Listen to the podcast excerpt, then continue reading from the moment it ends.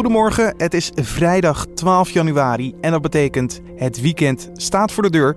Maar eerst nog even die vrijdag doorbuffelen. Mijn naam is Carne van der Brink en ik praat je vandaag bij over het nieuws van vandaag en ook wat er gisteravond is gebeurd. Vandaag gaan we het onder andere hebben over hoe je moet beginnen met cryptocurrency en het EK Short Track begint weer. Maar eerst kijken we kort terug naar het belangrijkste nieuws van de afgelopen nacht. De Franse politie heeft de gehele buit van de juwelendiefstal in Hotel Ritz in Parijs in handen. De juwelen met een waarde van zo'n 4,5 miljoen euro zaten in een tas die bij de dieven in het hotel werd gevonden. Vijf mensen waren betrokken bij de juwelendiefstal, waarvan er nog twee voortvluchtig zijn. De Amerikaanse president Donald Trump heeft achter gesloten deuren zijn frustratie geuit over migranten die afkomstig zijn van in zijn ogen shithole-landen. Met die krachttermen legde hij een aanbod van een groep senatoren voor een nieuw immigratieakkoord naast zich neer. Volgens de Washington Post ergerde Trump zich zichtbaar tijdens een overleg over migratieafspraken in de Oval Office. Hij deed ook de suggestie om meer mensen uit landen als Noorwegen naar de Verenigde Staten te halen. De uitlatingen van Trump zorgden voor veel ophef in politiek Amerika. Muzieklegende Eric Clapton heeft in een interview met BBC Radio 2 toegegeven dat hij doof aan het worden is. De 72-jarige muzikant kampt al een poosje met gehoorproblemen, maar is geen zins van plan om te stoppen met het maken van muziek. Ook wil hij gewoon blijven optreden. Ik ben toch een man van 72 die doof wordt en last heeft van zijn oorzuizen. Mijn handen doen het gelukkig nog, zei hij tegen BBC Radio 2. Bij dit bericht hoort toch echt wel de Jurassic Park teamsong. Want wetenschappers hebben namelijk in Australië tussen het water van Tasmanië en het vasteland een fossiel van een ja, bijzonder dier gevonden. De, als ik het goed uitspreek, Dilophosaurus piekering. Dat was een dinosaurus die 113 miljoen jaar geleden in Australië rondliep. Het dier had twee poten van de vorm van een kalkoen en leefde van planten. De Dilophosaurus kon 2,3 meter lang worden. Dit soort vondsten is volgens de Universiteit van Queensland in Brisbane uniek, omdat in Australië hoogzelde skeletten van dinosaurussen worden gevonden. En dan gaan we kijken wat het nieuws vandaag gaat worden. Oftewel, dit wordt het nieuws. Als ik zeg Bitcoin, Ethereum, uh, gulden en ga zo maar door, dan zeg je natuurlijk cryptocurrency. Deze digitale munten groeien per seconde. Maar wat kan je er nou mee doen? Beleggen is een optie, maar hoe werkt dit precies? En wat zijn de risico's? We belden met Tamara Awad van de economieredactie van nu.nl en we vroegen haar waarom hebben zoveel mensen het nu over beleggen in cryptomunten? Nou, er zit wel een voorgeschiedenis achter. In het begin draaide het eigenlijk vooral uh, over de techniek erachter. Dus bijvoorbeeld bij de bitcoin. Um, de munten, uh, cryptomunten zijn vooral bedoeld als een soort decentraal betaalmiddel. En mensen waren in het begin vooral in geïnteresseerd omdat het eigenlijk een soort onafhankelijke wereldmunten zouden kunnen worden, waar banken en overheden eigenlijk niets over te zeggen hebben. Dus een soort ideaal eigenlijk. Maar um, vorig jaar zijn er best wel flinke stijgingen geweest van onder meer de bitcoin. Um, en sindsdien stappen vooral mensen in die aan die koersstijging proberen te verdienen. En mensen horen het bijvoorbeeld op feestjes uh, daarover en horen het veel om zich heen. Lezen er veel over in de media bijvoorbeeld. En ze zijn bang om de boot te missen. En dus uh, gaan mensen nu denken, hé, hey, moet ik daar misschien ook iets mee? Ja, maar op het moment dat je misschien de boot hebt gemist of die wil niet missen, dan moet je ergens wel beginnen. Maar waar kan je het best beginnen? Je kunt een uh, zogenoemde wallet aanmaken. Dat is eigenlijk een soort virtuele portemonnee waar je je munten in kunt bewaren. Maar ik denk dat voor de meeste mensen het eigenlijk makkelijker zou zijn als je gewoon aanmeldt bij een speciale beurzen uh, voor cryptomunten. Uh, daar kunnen de munten dus eigenlijk ook verhandeld worden. Uh, of bijvoorbeeld bij een partij die ook echt speciale rekeningen voor cryptomunten aanbiedt. Dus die fungeren eigenlijk een beetje als een soort cryptomuntenbanken. Zo kan je het een beetje zien. Dan kun je eigen rekening aanmaken. En via dit soort aanbieders kun je vervolgens munten aankopen en verkopen. Maar het is wel slim om van tevoren even te bedenken en goed uit te zoeken welke aanbieders nou eigenlijk een goede naam hebben en waar jij je aan wil verbinden. Dan heb je nog het tweede, welke munt? Want er zijn zoveel, uh, bitcoin, ethereum, uh, gulden en ga zo maar door. Ja, er zijn echt ontzettend veel munten, dus het is heel moeilijk om uh, daar maar zomaar iets uit te kiezen. Uh, het is sowieso lastig te zeggen, omdat de waarde van die munten nou echt niet op iets concreets is gebaseerd. Het is niet een product uh, met bepaalde kenmerken bijvoorbeeld. En het is dus ook heel onduidelijk welke munten nou juist een toekomst hebben. Um, nou, volgens de deskundigen die ik heb gesproken is eigenlijk het beste advies om een munt te kiezen waarvan jij denkt dat het een toekomst heeft. Um, spreid je risico's en zet dus niet al je geld op één munt, maar stel bijvoorbeeld een mandje samen van verschillende soorten munten. En zij zeggen ook, um, doe je huiswerk. Dus lees je goed in voordat je gaat beleggen. Maar is het dan wel veilig om uh, in deze cryptomunten te beleggen? Uh, wat zijn de risico's bijvoorbeeld?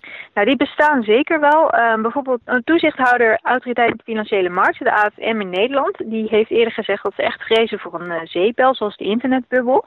Um, maar ja, dit is misschien een vrij logische partij die daar kritisch op is. Maar bijvoorbeeld ook de CEO's van een grote Amerikaanse bank Goldman Sachs en ook de CEO van vermogensbeheerder BlackRock, die hebben gezegd dat ze hele grote risico's zien uh, bij die cryptomunten. En ook een van de bekendste beleggers van de wereld, Warren Buffett, die zei onlangs dat hij vanwege de risico's nooit geld in uh, cryptomunten zou stoppen. En ja, het wordt eigenlijk allemaal wel gezien als een zeer riskante belegging. Dus voor behouden beleggers is het misschien niet een goed idee om in deze munten te stappen. En ja, de koersen kunnen gewoon soms ineens heel, heel snel stijgen, maar volgens ook weer hard onderuit gaan. Dat hebben we ook eind vorig jaar gezien. Um, dus er is best wel een grote kans dat je je inleg verliest. En je moet dus eigenlijk een beetje stalen zenuwen hebben en van tevoren er rekening mee houden dat je dus inleg kwijt kunt raken. En het is een tip om van tevoren even na te denken van nou, met hoeveel winst ben ik nou tevreden en bij welke daling uh, stap ik gewoon absoluut uit. En um, ja, eigenlijk bij elke belegging geldt ook wel, leg alleen maar geld in wat je zou kunnen missen. Zodat je niet in de financiële problemen komt uh, als er een keer toch een koersdaling is. Wil je nou meer weten over het beleggen van cryptogeld? Dit weekend verschijnt een achtergrondstuk over het beleggen en de risico's. Dus hou de app en de site zeker in de gaten. Vandaag begint in Dresden, Duitsland het EK Short Track. Nederland hoopt potten te kunnen breken op dit EK en de Nederlandse top shorttracker Shinky Knecht komt net terug van een kleine blessure en kan dus meedoen aan het EK. Dus al met al positief. Maar hoe gaat het eigenlijk met deze sport? We belden met nu sportredacteur Daan de Ridder over dit sportevenement. En we vroegen bijvoorbeeld aan Daan, wat is nou de charme van short track? Uh, nou ja, de, de, de charme in die zin, de, de, waar het het van moet hebben, is dat het, uh, dat het natuurlijk uh, spectaculaire sport is. Er zijn in tegenstelling tot lange baanschaatsen, wat afgezien van de massastart nu een tijdrit is. Hè? Iedereen in je eigen baan. De afgelopen staat er een tijd op het bord en wie het snelste tijd heeft gereden, die wint shorttrack is met vier tot zes schaatsers in de baan. Die vechten, ja, die vechten constant op positie. Er zijn allerlei inhaalacties. wat dat betreft is het, is het een spectaculaire sport waar, waarbij het echt man tegen man gevechten zijn. Dat is, dat is waar we het van moeten hebben. En dat, dat, dat wordt ook uitgebuit door uh, lichtshows, uh, geluid enzovoort. Er wordt echt een, een spektakel van gemaakt. wat verwacht je eigenlijk van het aankomende EK? Nou, de, kijk, uh, het is minder dan een maand na uh, voor de Spelen beginnen. bij de Nederland is ook de tien, de tien shorttrackers die namens Nederland naar het EK gaan, die gaan, of de, die namens Nederland naar de Spelen gaan, gaan nu ook naar het EK. het is de eerste internationale wedstrijd sinds half november. De Nederlanders hebben vorige week nog een, een NK gereden, maar dat, ja, dat is toch een iets ander niveau en ook toch een iets andere wedstrijd, zeker het Olympisch seizoen. Dus ja, het zal denk ik zeer in het teken staan van Spelen.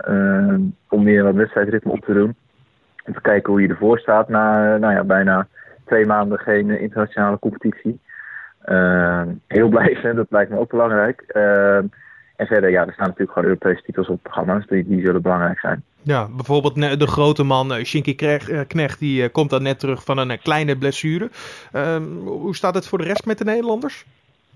Nou ja, de, de, die blessure van Knecht, die, uh, dat, uh, die was inderdaad tijdens het NK stopte hij op de laatste dag. Maar uh, eigenlijk was het meteen al van, dit is allemaal niet zo ernstig, maar we gaan niet, geen enkel risico nemen in het Olympisch seizoen. Dus dat mag bijna geen naam hebben. Nou ja, de interessantste naam wat dat betreft is denk ik toch Jorien Termors. Die de afgelopen jaren natuurlijk zich met name gericht heeft op de lange baan, maar altijd ook nog meebleef trainen met shorttrack waar ze vandaan komt. Ze zal ook naar de Spelen gaan op het short track. Alleen bij het Olympische kwalificatie van de lange baan twee weken geleden ja, had ze een redelijk teleurstellend toernooi. Ze redden het niet in eerste instantie kwam ze niet in de top 3 de 500 meter. Ze redden het nog wel op de 1000 meter en op de 1500 meter waarop ze Olympisch kampioen is. mag ze niet naar de Spelen. zij zal tijdens de EK Shorttrack zal ze alleen actie komen op de, op de aflossing.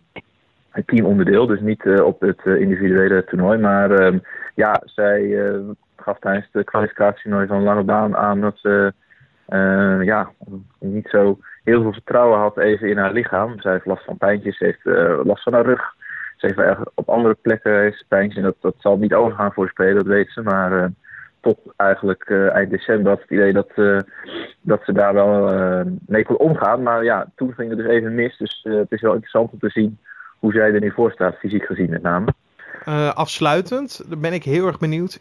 dit EK, heeft het nog een soort belang voor de Olympische Spelen, de winterspelen die er aankomen? Of is het eigenlijk een soort oefenen, even warm lopen en kijken wat de winterspelen echt gaat brengen?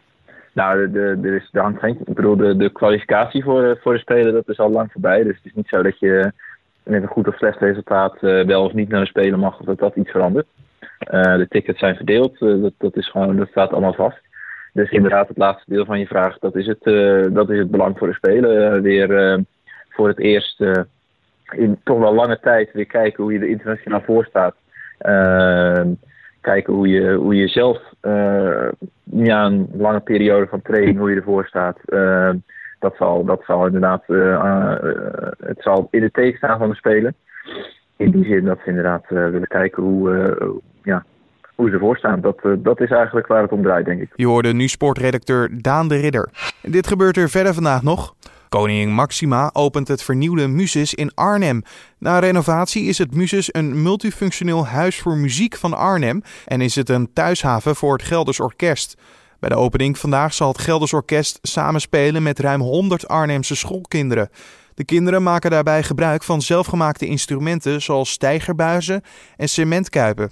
Vrouwen in Saudi-Arabië mogen vanaf vandaag in een aantal stadions sportwedstrijden bezoeken. De maatregel maakt onderdeel uit van de hervormingsplannen van kroonprins Mohammed, die het conservatieve islamitische vorstendom wil moderniseren. Mohammed vindt dat vrouwen meer vrijheid verdienen. Zo werd eerder bekend dat vrouwen vanaf juni een auto mogen besturen en in september mogen ze de viering van de stichting van het Koninkrijk meemaken. Ook wordt gedoogd dat mannen en vrouwen samen dansten tijdens een straatfeest. En nou kijken we waar onze collega's vandaag over schrijven. Het aantal mensen dat de zorgpremie niet kan betalen is flink gedaald. Drie jaar geleden konden ruim 325.000 mensen het geld niet opbrengen. Nu zijn dat er 249.000. En dat is het laagste aantal sinds in 2006 het ziekenfonds werd afgeschaft, meldt het AD op basis van cijfers van het ministerie van Volksgezondheid, Welzijn en Sport. Het dalende aantal wanbetalers is het gevolg van een nieuwe aanpak om met betalingsproblemen om te gaan. Ouders betalen steeds meer voor extra activiteiten op de basisschool. Ze geven elk jaar meer uit aan schoolreisjes en andere extra activiteiten voor hun kinderen op school. In 2006 moesten ouders nog gemiddeld per kind 38 euro op jaarbasis betalen. In 2006 is dat gestegen naar 61 euro. Dat bericht Trouw die cijfers opvroeg bij het CBS. Onderwijs in Nederland is gratis, maar voor bijvoorbeeld Sinterklaasvieringen of schooluitjes mogen scholen een ouderbijdrage vragen. Die bijdrage is vrijwillig, maar dat is niet altijd duidelijk voor de ouders. Het is vrijdag, dat betekent dat je Lara Zevenberg van de entertainmentredactie hoort met haar roddeloverzicht. Collega Lindsay Mossink ging in gesprek met haar. We kijken weer naar het roddeloverzicht. Lara, waar schrijf je deze week over? Uh, nou, het kan je niet ontgaan zijn. Gordon was uh, afgelopen weekend uh, bij de uitreiking van de Golden Globes. Die werden van zondag op maandag uitgereikt. En Gordon zat in de zaal. Oké, okay. was hij genomineerd voor iets of wat deed hij daar? Nee, Gordon zat uh, op tafel 300 nog wat. hij zat niet vooraan, hij zat niet naast Oprah, hij zat niet naast Meryl. maar hij was er wel. Hij was er op, op uitnodiging van een Belgische journaliste, was hij met haar mee. En ja, hij is daar meteen een verschrikkelijke blunder begaan. Want hij had een rood pak aan, maar de rest van de mensen zwart droeg. Ja, en iedereen was in het zwart uh, uh, vanwege de MeToo-discussie. Is dat hem dan totaal ontgaan? Ja, ik weet het niet. Hij zal het misschien te druk hebben gehad met de opnames van zijn trouwprogramma. Maar het, één ding is in elk geval duidelijk. Hij had een memo dat hij in het zwart moest niet ontvangen. Hij schaamde zich daar zelf ook nog wel een beetje voor. Hij zat uh, s ochtends vroeg bij Edwin Evers op de radio. Duidelijk tikkeltje beschonken. Hij moest er heel hard om lachen, maar hij zei ook wel van... Ja, dat kan eigenlijk toch echt niet, jongens. Iedereen in het zwart en ik kom in het knalrood aan. Wat heeft hij daar de hele avond gedaan dan? Uh, nou ja, um, Hij uh, was wel een beetje beschonken. Dat zal hem wat moed hebben gegeven. Want hij heeft uh, ongeveer iedere bekende persoon die daar rondliep, heeft hij aangesproken. Hij staat op Instagram op, op de foto met uh, onder andere Chris Hemsworth, Ricky, Ricky Martin en met Viola Davis. Eén persoon durfde die niet te vragen om een foto. Dat was Oprah Winfrey. Het roddeloverzicht kan je elk weekend vinden op nu.nl.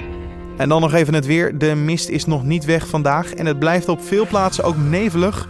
In het noorden kan nog wat motregen voorkomen. De temperatuur ligt tussen de 4 en 7 graden vandaag. En dan nog dit. Ouders kozen vorig jaar het vaakst voor Noah als naam voor hun pasgeboren zoon. Emma was favoriet als meisjesnaam. Uit de lijst met populaire kindernamen die de Sociale Verzekeringsbank jaarlijks presenteert, blijkt dat er 775 Emma's bij zijn gekomen en Noah zo'n 635 keer. In 2016 waren Daan en Anna de populairste kindernamen. Een jaar eerder Liam en net als in 2017 Emma. De top 5 van 2017 bestaat bij meisjes verder uit Tess, Sophie, Julia en Anna. En bij de jongens uit Sam, Lucas, Finn en Daan. Maar mocht je nog op zoek zijn naar een originele naam, dan luisteren we even naar cabaretier Najib Amali met wat tips. Elke naam, en het is nou heel modern in deze tijd om een naam te geven aan je kind bijvoorbeeld. bijvoorbeeld het kind wordt verwekt in Parijs en dan noemen ze het negen maanden later noemen ze het Paris. Ja, dat is modern. Het zou hier niet klinken. Weet je kind? Stompe toren!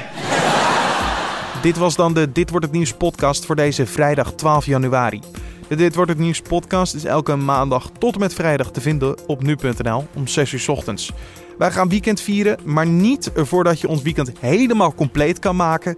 En dat doe je door een recensie achter te laten op iTunes. Simpel, als je naar iTunes gaat of via je eigen iPhone of uh, tablet, dan kan je via iTunes een reactie achterlaten, dus in de recensies, of een cijfer van 1 tot en met 5. Zo help je namelijk ons beter te vinden voor anderen. Mocht je nou niet in bezit zijn van een uh, Apple device of geen iTunes hebben, dan kan je ons het beste helpen door een mailtje te sturen naar redactie.nu.nl. Dan kunnen wij kijken wat jij van de podcast vindt en of we iets kunnen verbeteren. We horen het graag. Nogmaals, een fijn weekend toegewenst en we spreken elkaar maandag weer.